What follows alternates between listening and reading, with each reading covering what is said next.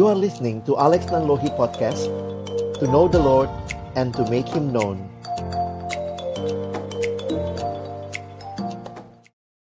Bagimu ya Tuhan segala puji, hormat dan kemuliaan. Karena sungguh engkaulah yang layak menerima segala pujian dan hormat kami.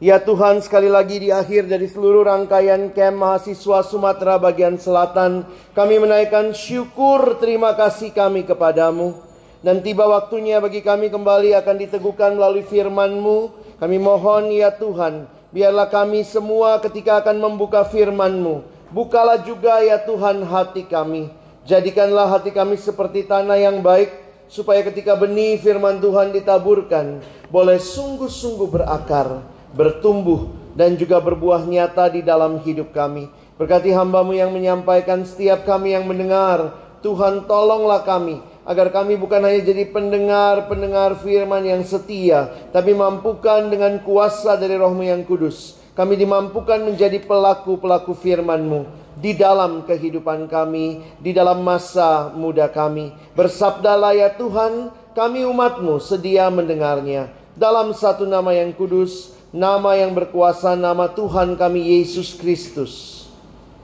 Kami menyerahkan pemberitaan firman-Mu. Amin. Silakan duduk. Shalom. Ini sesi yang terakhir dan kesempatan ini juga saya mau mengajak kita melihat apa yang seharusnya menjadi respon kita sesuai dengan tema kita discipleship on entirety menjadi murid yang seutuhnya dan mari kita kembali menjadi orang-orang yang benar-benar menghidupi tema ini. Fenomenanya camp itu begitu. Satu dua minggu pulang camp masih semangat. Tapi saya terus berdoa agar kiranya ini bukan semangat yang sementara tapi Tuhan berikan di hati kita yang dalam kerinduan untuk hidup bagi Dia senantiasa. Teman-teman yang dikasihi Tuhan, kalau melihat kembali bagaimana Tuhan Yesus dengan murid-muridnya, saya pikir ini sangat luar biasa. Tuhan meninggalkan bagi dunia ini sebelas murid. sebelas murid yang siap menggoncang dunia. Dan kalau hadir di tempat ini sekian puluh orang, kita lebih dari sebelas. Harusnya bisa menggoncang. Paling tidak sih, apa? Jangan cuma sekre ya. Harusnya bisa menggoncang paling tidak provinsimu. Ada orang-orang yang cinta Tuhan, yang mau hidup bagi Tuhan dan itu akan menjadi satu gerakan yang luar biasa. Saya mau mengajak kita melihat beberapa perenungan saja di akhir ini. Saya berdoa tidak panjang, tidak lama supaya kalian juga bisa uh, makin menghayati ya. Sudah banyak dengar kan? Tadi juga refleksi AWG kalian sudah dapat mungkin beberapa hal di koordinasi kota sudah juga terlihat mau apa sesudah ini. Maka saya mengajak kita melihat uh, bagian ini ya. Saya minta next slide-nya.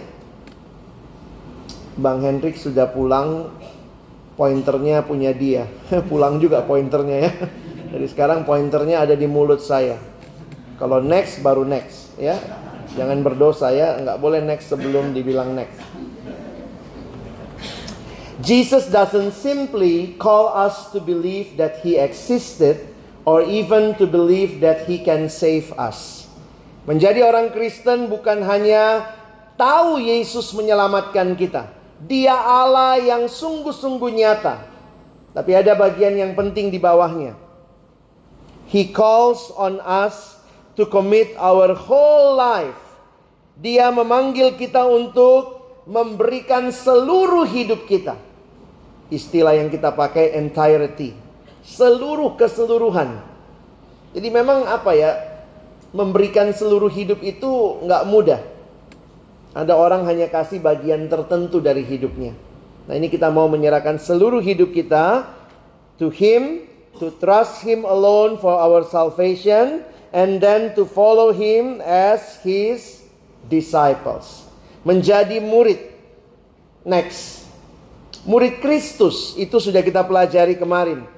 Murid itu dalam bahasa Yunaninya dipakai istilah matetes. Dalam bahasa Inggrisnya dipakai istilah disciples. Dari kata disciples itu satu akar kata dengan disiplin. Tetapi dalam bahasa aslinya disciples atau matetes bahasa Yunani menyatakan adalah orang yang berjalan persis di bekas telapak kaki gurunya. Wah, waktu saya menghayati itu poin pemuridannya pada masa Tuhan Yesus Makanya menarik, sebenarnya ada hal yang unik saudara. Ini sedikit latar belakang buat kita. Pada masa itu, rabi-rabi Yahudi itu biasanya murid-murid yang datang mendaftar ke rabinya. Jadi mirip kayak sistem sekolah kita sekarang. Siapa yang sekolah, kalian daftar ke sekolah itu untuk sekolah di situ. Nah, kayak begitulah sistem rabi-rabi Yahudi pada waktu itu dengan muridnya.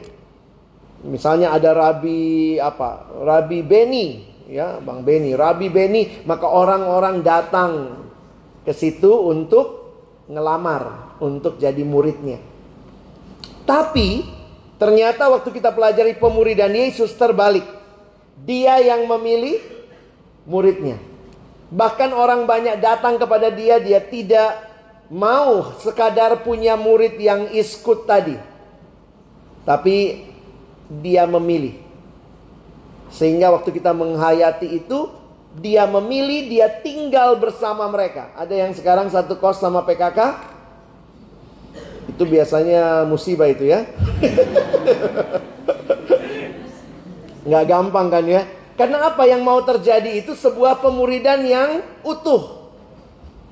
Yesus bersama dengan muridnya tinggal bersama. Kira-kira tiga tahunan saudara. Saya ingat ada satu teman dulu dia satu kos sama PKK-nya.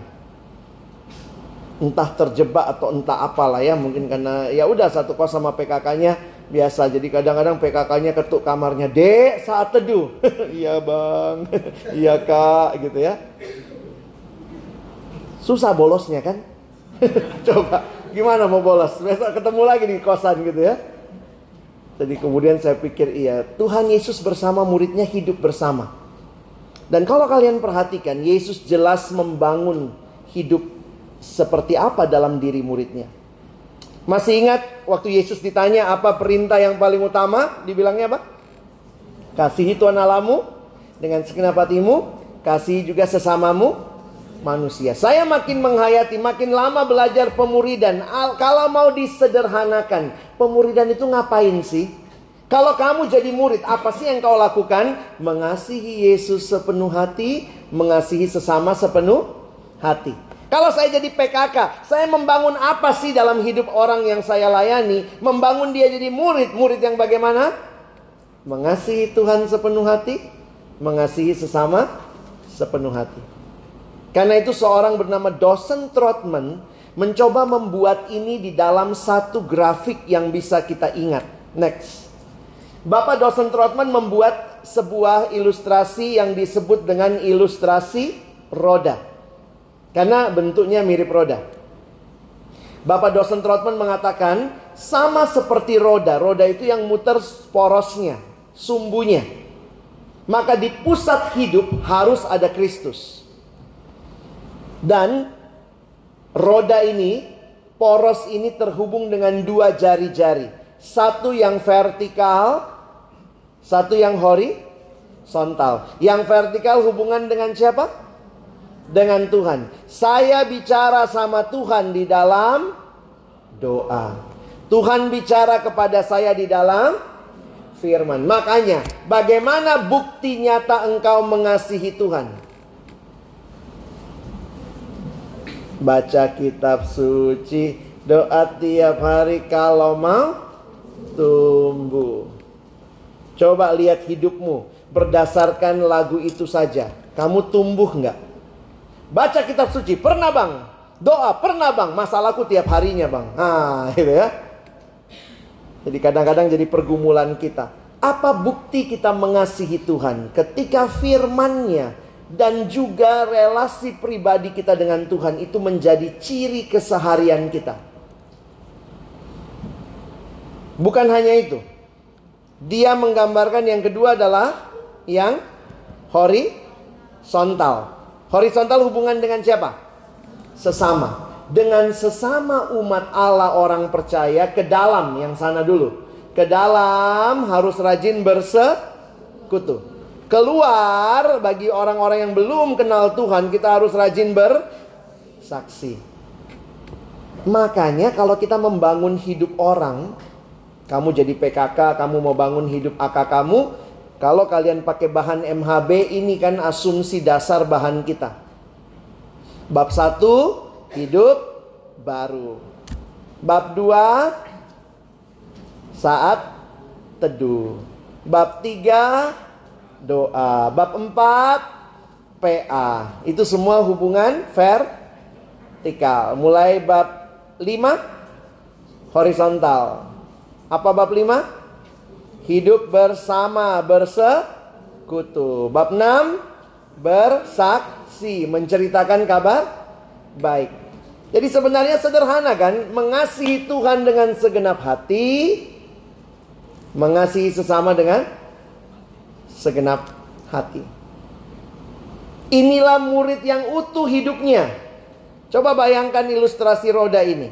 Bapak dosen Trotman bilang kalau roda itu bayangkan kalau jari-jarinya nggak sama panjang. Kayak mana rodanya muter? Bang, aku suka baca Alkitab, aku suka doa, ah, tapi malas persekutuan. Ih, gimana rodanya? Bersekutunya patah di situ. Bang, aku suka datang persekutuan tapi nggak mau aku baca Alkitab tiap hari. Gimana caranya? Sehingga dia menggambarkan dalam keutuhan inilah yang harus terjadi. Nah, dia sebenarnya kasih penjelasan. Next. Ini penjelasannya Bapak dosen Trotman ya. Kalian bisa baca sebentar, saya nggak bahas. Nanti kita akan lanjutkan sebentar.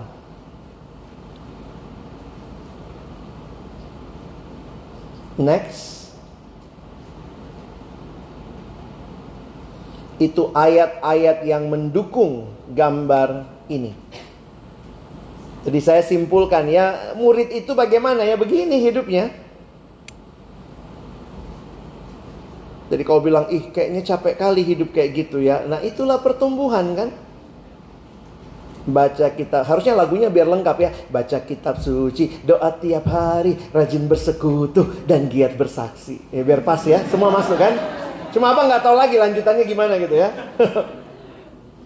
Jangan ya memang kita masih bergumul. Kadang-kadang saat teduh kita masih merasa aduh gimana ya? Ditanya gimana dek? Saat teduhmu. Teduh bang teduh. Marilah kita bangun hidup. Setiap kali sekarang saya saat teduh Saya bawa pikiran itu. Kenapa saya saat teduh? Karena saya mau mengasihi Tuhan. Kenapa saya datang bersekutu? Dipaksa, diundang, saya ganti pola pikirnya. Karena saya mengasihi saudara seiman. Kasihi Tuhan Allahmu, kasihi sesamamu. Buktinya apa? Saya baca firman, saya berdoa. Itu tak caranya saya mengasihi Tuhan. Bagaimana mengasihi sesama? Saya bersekutu dan saya juga bersaksi. Ditawarkan pelayanan bersyukur gitu ya. Terima kasih, saya dipercayakan. Memang waktu pelayanan kadang-kadang ada orang yang jual mahal juga. Kau MC ya, jangan aku lah. Kau MC ya, jangan aku lah. Kau MC ya, jangan aku dalam hati. Paksa terus, paksa terus. Ah. Kadang-kadang ada orang yang merendah papan loncat. Makin rendah, makin tinggi tuingnya, sombongnya gitu kan. Kalau Tuhan kasih kesempatan melayani, bersyukur. Takut, bersyukur masih ada rasa takut. Abang udah bilang di hari pertama ya. Aduh aku nggak mampu. Iya karena itulah kau bergantung terus sama Tuhan. Perlengkapi dirimu terus. Kalau kau jadi pelayan makin sombong. Aku mampu. Mana lagi pelayanan? Mana? Saya nggak kasih kau pelayanan. nah, saya mau masuk bagian firman ini untuk menutup bagian kita next. Mari buka Matius 7, ini akhir khotbah di bukit. Matius 7 ayat 24 sampai 27.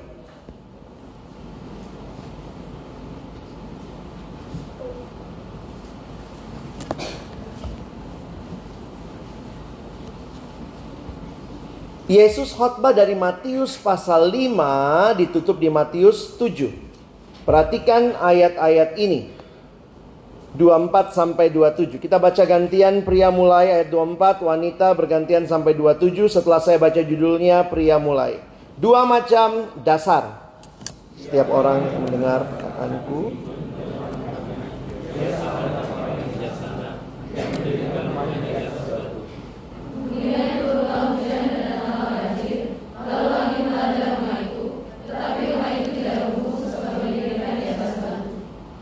Berarti sama dengan orang yang bodoh yang memberikan rumahnya di atas pasir.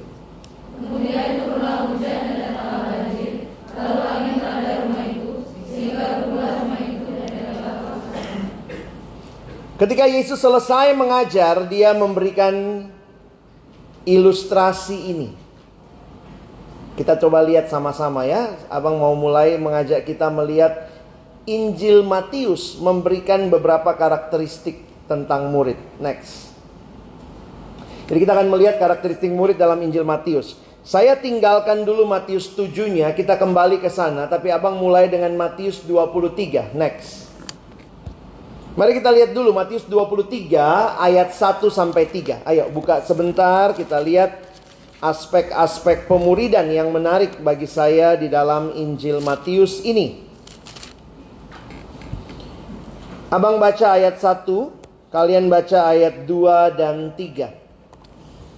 Maka berkatalah Yesus kepada orang banyak dan kepada murid-muridnya katanya.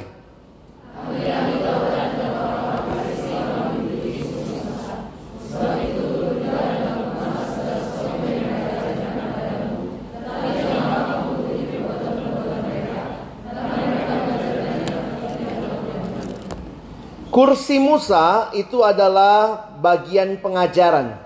Yang duduk di kursi Musa itu adalah menggambarkan orang-orang yang mengajar umat. Siapa yang menduduki kursi Musa? Orang ahli Taurat dan orang Farisi. Kita udah belajar kemarin ya. Mereka memang ahli Taurat, ahli dalam segala ilmu keagamaan. Dulu saya pikir Tuhan Yesus benci semua tentang ahli Taurat dan orang Farisi. Ada nggak yang Yesus puji tentang ahli Taurat orang Farisi? Coba baca ayatnya. Ada nggak? Apanya yang bagus? Pengajarannya bagus. Tuhan Yesus kan nggak bilang tolak pengajarannya. Enggak. Ikuti, turuti pengajarannya. Jangan ikuti cara hidupnya. Kelakuannya. Perbuatannya. Karena mereka mengajarkan tetapi tidak melakukan. Next. Apa bedanya murid sama Farisi? Dari ayat ini, coba kita refleksikan. Farisi berarti sudah mengajar, tidak melakukan. Berarti kalau dia mengajar, dia ta, tahu. Tahu tapi tidak melakukan. Kalau murid, nah jangan dibalik. Murid tidak tahu tapi melakukan. Itu goblok juga ya. Tahunya tetap. Murid bagaimana? Tahu dan melakukan. Pertanyaan saya, kamu murid atau farisi? Tahu saat teduh penting? Tahu melakukan? Hei farisi. Tahu harus membangun relasi teman hidup dengan yang seiman tahu? Lakukan? Kadang-kadang nggak gampang ya. Ada orang beberapa orang agak sulit juga ikut camp. Kenapa? Keputusan komitmen setelah camp putuskan pacar. Oh, itu gitu ya. Saya ingat adik kelompok saya pernah telepon. Lalu kemudian dia ceritalah banyak hal. Lalu waktu dia banyak cerita itu saya jadi sadar gitu ya. Dia sudah lewati bab 1, bab 2, bab 3, bab 4 semuanya dia lakukan. Ayat-ayat dia tahu. Kalau kelompok kecil dia yang paling hafal ayat. Kadang-kadang dulu dia lebih hafal dari saya. Jadi bilang coba dulu buka sini. Coba dulu buka sini. Tapi akhirnya saya sadar gitu ya. Masalah dia utamanya dia cuma tahu banyak, tidak lakukan. Tentu tidak ada kita yang sempurna. Tapi ingat, apa tugas PMK? PMK tidak hanya membangun farisi. PMK harus bangun murid. Maka pastikan kita adalah pulang jadi murid secara utuh. Orang bilang, ih bagus banget materinya kami kemarin di camp mahasiswa Sumatera bagian selatan. Tapi pulang, kamu yang akan menjawab. Kamu jadi farisi, tahu banyak, nyatetnya banyak, refleksinya panjang, atau kamu melakukan yang kamu tahu. Yang kedua, coba lihat next. Nah, ini bagian kita. Ada berapa jenis orang di Matius 2 Matius 7 tadi? Kita ke Matius 7 ya. Kan kita lagi belajar karakteristik murid dalam Injil Matius. Ada berapa jenis orang di Matius 7? Dua. Satu orang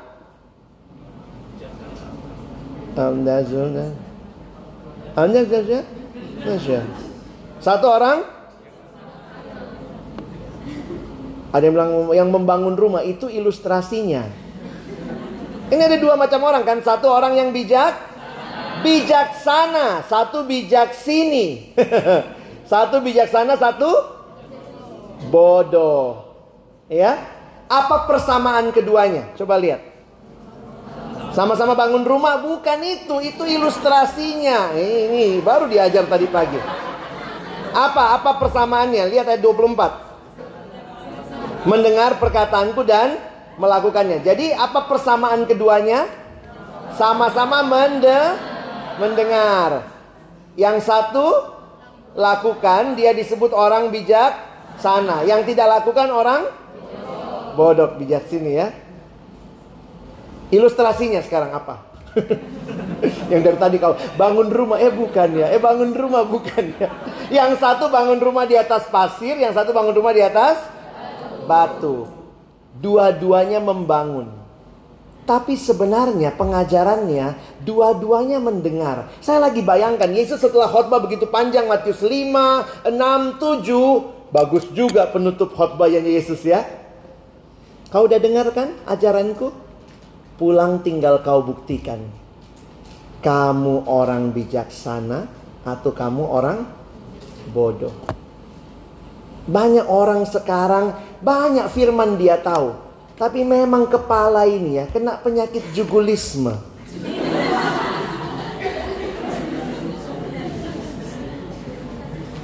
Next. Ayo, kita orang bijaksana atau orang bodoh? Kau yang buktikan kalau kau pulang dari camp ini. Banyak aku tahu bang. Aku tahu Injil Matius begini. Aku tahu cara nafsir perumpamaan. Aku sekarang tahu apa itu kerajaan Allah. Cuman tahu. Bodoh. gitu kali ya. Ayo pulang lakukan. Supaya jadi orang bijak. Sana. Tuhan Yesus senang banyak orang dengar khotbahnya. Tapi Tuhan Yesus jauh lebih senang kalau pulang kamu jadi orang bijak sana. Saya waktu baca ini keingat lagi. Saya banyak pengalaman karena pernah mimpin kelompok ya. Adik kelompok saya gitu telepon saya. Halo bang, ini adik udah lama. Saya udah nggak pegang lagi karena dia udah lulus, udah kerja. Terus halo bang, apa kabar? Ya baik. Eh bang, eh, kok tumben nelfon gitu ya? Adik kelompok itu kalau nelfon biasanya kita mulai apa yang dia mau ya. Tapi dia nanya, apa kabar bang? Iya, aku lama lo nggak ngobrol sama abang. Iya, udah ngobrol lah 10 menit gitu. Terus dia ngomong gini loh bang, saya mau cerita bang. Oh iya, gimana? Uh, saya lagi suka nih bang sama satu cewek. Oh bagus dong, gitu ya. Terus dia bilang, e, gini loh bang, saya lagi ini anaknya baik kali, gini gini gini gini gini. Oh udah banyak lah dia cerita. Pokoknya dia anaknya pas banget gitu ya. Menurut abang bagaimana? Ya saya sebagai PKK kan dia juga dulu jadi PKK di kampus. Saya bilang ya udah tembak aja kalau mati kuburkan gitu. jadi, menurut abang bagaimana kan? Jadi saya bilang ya udah tembak aja gitu ya. Waktu saya bilang tembak aja tiba-tiba dia ngomong gini. Nah itulah bang masalahnya. Jeng jeng jeng. Masalahnya apa? Dia nggak seiman bang. Hah? Sudah 10 menit lebih 15 menit kau ambil waktuku Kau dari tadi cerita, kau pikir seiman gitu ya. Jadi dia udah cerita gini bang, gini bang, gini bang. Iya bang, tapi dia nggak seiman. Jreng, jreng, jreng. Saya bilang, jadi menurut abang gimana bang ya? Uh, putus deh. Tapi bang, misalnya gini, kalau dia mau begini, begini, begini, begini, begini banyak lah alasannya. Jadi menurut abang gimana? Uh, putus deh. Tapi bang, misalnya ya, dia mau ikut kita begini, begini, begini. Bisa kan kita bawa dia sama Tuhan? Saya bilang, iya putusin dulu. Dia datang sama Tuhan baru pacarin lagi. Gitu kan. Maksudnya apa sih yang kau cari gitu ya? Kita udah belajar bab 10, kau pun dulu PKK di kampus. Jadi menurut abang gimana? Putus deh. Terus gitu ya. Menurut abang gimana? Putus. Terakhir dia terus. Tapi menurut gini bang. Kalau misalnya begini-begini. Menurut abang gimana? Putus. Saya bilang jangan jadi orang bodoh. Marah dia. Abang kasar kali mulutnya. Bukan aku, Yesus ini. Yesus bilang bodoh kau. Bodoh kau. Gitu ya. Kita nih. Aduh. Jadi. Waktu dari situlah saya jadi sadar. Iya ya Waktu saya bilang bodoh sama dia, saya pun juga sadar banyak hal saya masih bodoh. Tahu sih nggak boleh, tapi dilakukan. Nah pertanyaannya kita mau hidup seperti apa? Mau jadi murid model apa? Pulang kamu mau dan discipleship on entirety. Tuhan tolong saya taat. Saya mau sepenuhnya menyerahkan hidupku kepadamu. Kamu pulang jadi orang bijaksana atau orang bodoh? Kau yang jawab. Tuhan sudah berikan firmannya. Kita lihat ayat terakhir ya. Next. Ah, dua ayat terakhir ini satu dulu. Matius 7 ayat 21. Yuk baca sama-sama. Matius 7 ayat 21. Sedikit di atasnya. Yuk kita baca. Satu, dua, ya. Bukan setiap orang yang bersuruh kepadaku.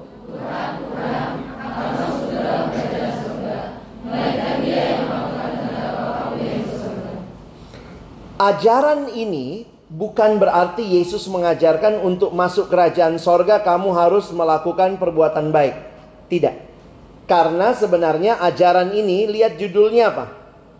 Hal pengajaran sesat. Jadi Yesus mau bilang begini, kalau betul-betul kamu sudah kenal aku, itu dibuktikan dari cara hidupmu. Makanya orang yang masuk kerajaan sorga bukan yang cuma ngomong-ngomong Tuhan Tuhan tapi hidupnya nggak sesuai. Tetapi yang masuk kerajaan sorga yang mengalami perjumpaan dengan Tuhan dan melakukan kehendak Bapa. Saya cukup kaget penekanan Injil Matius tentang murid kepada tahu dan melakukan. Farisi tahu, tidaklah lakukan. Murid tahu, lakukan. Orang bodoh dengar berarti tahu, tidak lakukan. Orang bijaksana dengar, tahu dan melakukan. Dan Yesus bilang lagi di sini, bukan semua orang yang berseru padaku Tuhan Tuhan akan masuk kerajaan surga. Tapi mereka yang melakukan kehendakku, betul-betul buktinya terlihat dari dia melakukan kehendak Allah. Makanya jangan hanya melihat kerohanian tampak luar. Hari Minggu itu banyak yang Kristen kali ya. Oh, wah hari Minggu uh, udah bajunya cantik gitu ya. Kalau perlu pakai buletan di atas kepala nggak injak tanah. Uh, malaikat hari Minggu ya. Kepentok, haleluya. Kejedot, oh maranata. Bisa begitu ya. Hari lain, woi monyet, anjing, kampret gitu. Kalau kayak begitu hidup kita itu disconnect gitu. Ini zaman online tapi banyak yang disconnect.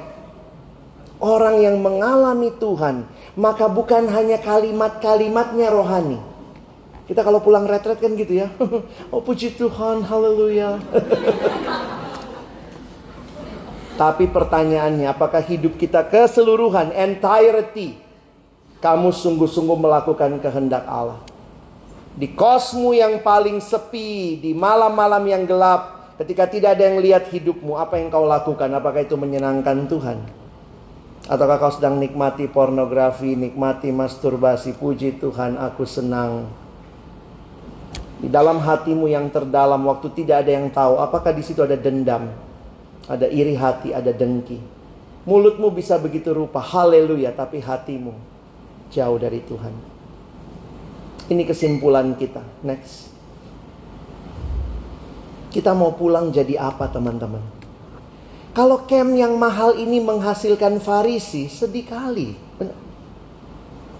Udah banyak dana, kita berjuang, semua orang menyiapkan para staff, berdoa, rapat, kumpulkan dana, kumpulkan peserta, terus pulang kita jadi farisi.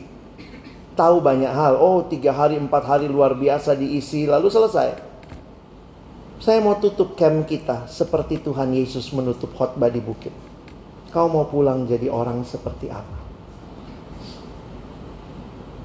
Matius 28 kita masih ingat mungkin ya karena sering kali dikutip di perkantas. Matius 28 ayat 19 20. Karena itu pergilah jadikanlah semua bangsa muridku dan baptislah mereka nama Bapa, Anak dan Roh Kudus. Next. Saya kaget next lagi. Baca baik-baik ayat ini sekali lagi. Dan ajarlah mereka semua teori kekristenan Amanat agung tidak berakhir di pengetahuan, tapi di kehidupan yang melakukan yang dia tahu. Kalau engkau dan saya pulang dari sini melakukan amanat agung, berarti engkau dan saya pulang untuk melakukan yang Tuhan minta. Kerajaan Allah tidak dibangun oleh orang Farisi. Kerajaan Allah tidak dibangun oleh orang-orang bodoh. Kerajaan Allah dibangun oleh orang-orang yang cinta Tuhan, yang hidupnya dia serahkan kepada Tuhan untuk taat melakukan kehendak Tuhan. Kerajaan Allah dibangun oleh orang-orang bijaksana. Dibangun oleh orang yang kualitasnya murid. Discipleship on entirety. Engkau tidak akan pulang membangun seapa-apa. Kalau engkau hanya melihatnya sebagai teori. Ajar mereka melakukan.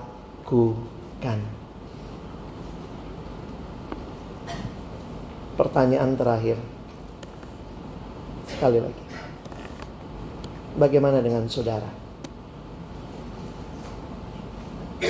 mau pulang jadi apa.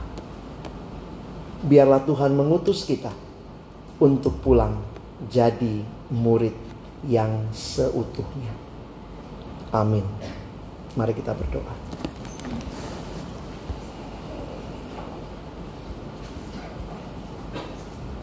Waktu semua tunduk kepala di hadapan Tuhan Ingatlah bukan staf yang bisa mengutus engkau. Tapi Tuhan yang akan mengutusmu. Hari ini di hadapan Tuhan. Serahkan dirimu kepadanya. Berdoalah supaya engkau pulang jadi murid yang membangun kerajaan Allah. Murid yang mengerti identitasmu, Murid yang mengerti apa yang menjadi misimu. Murid yang pada akhirnya mengerti jelas betapa berharganya kerajaan itu. Rela serahkan seluruh hidupnya. Saya mengundang rekan-rekanku staf perkantas. Abang kakak staf perkantas mari berdiri. Kita akan berdoa bagi adik-adik kita Mari berdiri di tempatmu, berdiri kita mengelilingi ruangan ini. Di depan juga saya minta ada yang berdiri. Izinkan kami berdoa, mengutus kalian di dalam Tuhan. Menyerahkan agar sekiranya engkau pulang sebagai murid-murid Tuhan. Dari berbagai daerah, kau pulang jadi murid-murid. Saya minta teman-teman tetap duduk dan para staf berdiri kita akan ambil waktu ini untuk berdoa. Pada waktu kami berdoa bagi engkau, berdoalah bagi dirimu. Agar Tuhan menolongmu betul-betul jadi murid seutuhnya bagi kemuliaan Tuhan. Mari sama-sama tunduk kepala kita berdoa bersama-sama.